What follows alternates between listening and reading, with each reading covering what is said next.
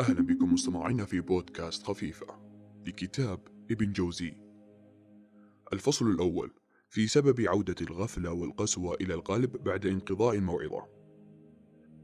قد يعرض عند سماع الموعظة للسامع يقظة فإذا انفصل عن مجلس الذكر عادت القسوة والغفلة.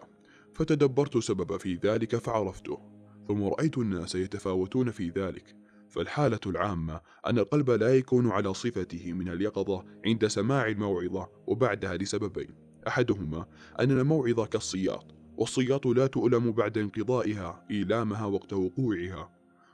والثاني أن حالة سماع الموعظة يكون الإنسان فيه مزاح العلة قد تخلى بجسمه وفكره عن أسباب الدنيا وأنصت بحضور قلبه. وإذا عاد إلى الشواغل اجتذبته بآفاتها فكيف يصح أن يكون كما كان؟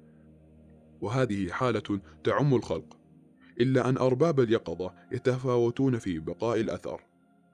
فمنهم من يعزم بلا تردد ويمضي من غير التفات فلو توقف بهم ركب الطبع لضجوا كما قال حنظلة عن نفسه نافق حنظلة. ومنهم أقوام يميل بهم الطبع إلى الغفلة أحيانا ويدعوهم ما تقدم من الموعظة إلى العمل أحيانا فهم كالسنبلة تميلها الرياح. وأقوام لا يؤثر فيهم إلا بمقدار سماعه كماء دهرجته على صفوان. شكرا لحسن استماعكم وإلى لقاء جديد.